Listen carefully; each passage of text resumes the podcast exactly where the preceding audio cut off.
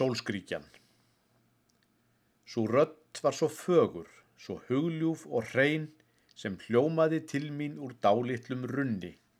Hún satt þar um nætur og söng þar á grein, svo sólfögur ljóð um svo margt sem ég unni.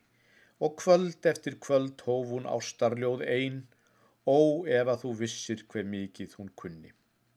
Hún hvað um sitt fjölbreytta fjalldala skraut, hver fritt er og rólegt að eiga þar heima, hver mjútt er í júni í ljósgrætni laut, hver létt er þar vetrarins hörmum að gleima, og hvað þá er indalt við ættjarðarskaut um ástir og vonir að syngja og dreyma.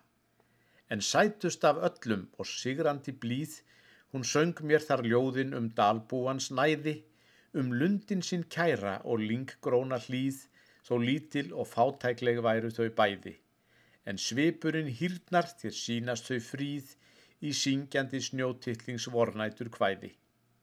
Þar söng hún í kyrðinni elskugans óð um óbyggðar heiðar og viðsýnið fríða og æskunar barnglaða blíður róma ljóð sem byður þess sumarið aldrei að líða.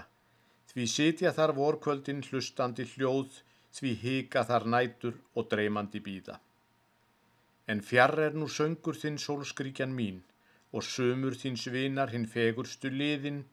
Hann langar svo oft heim á þórsmörk til þín, hann þráir svo ljóðin og vornætur friðin. Hann harmar í skóunum hrjósturlönd sín, hann hlustar sem gestur á náttgala kliðin.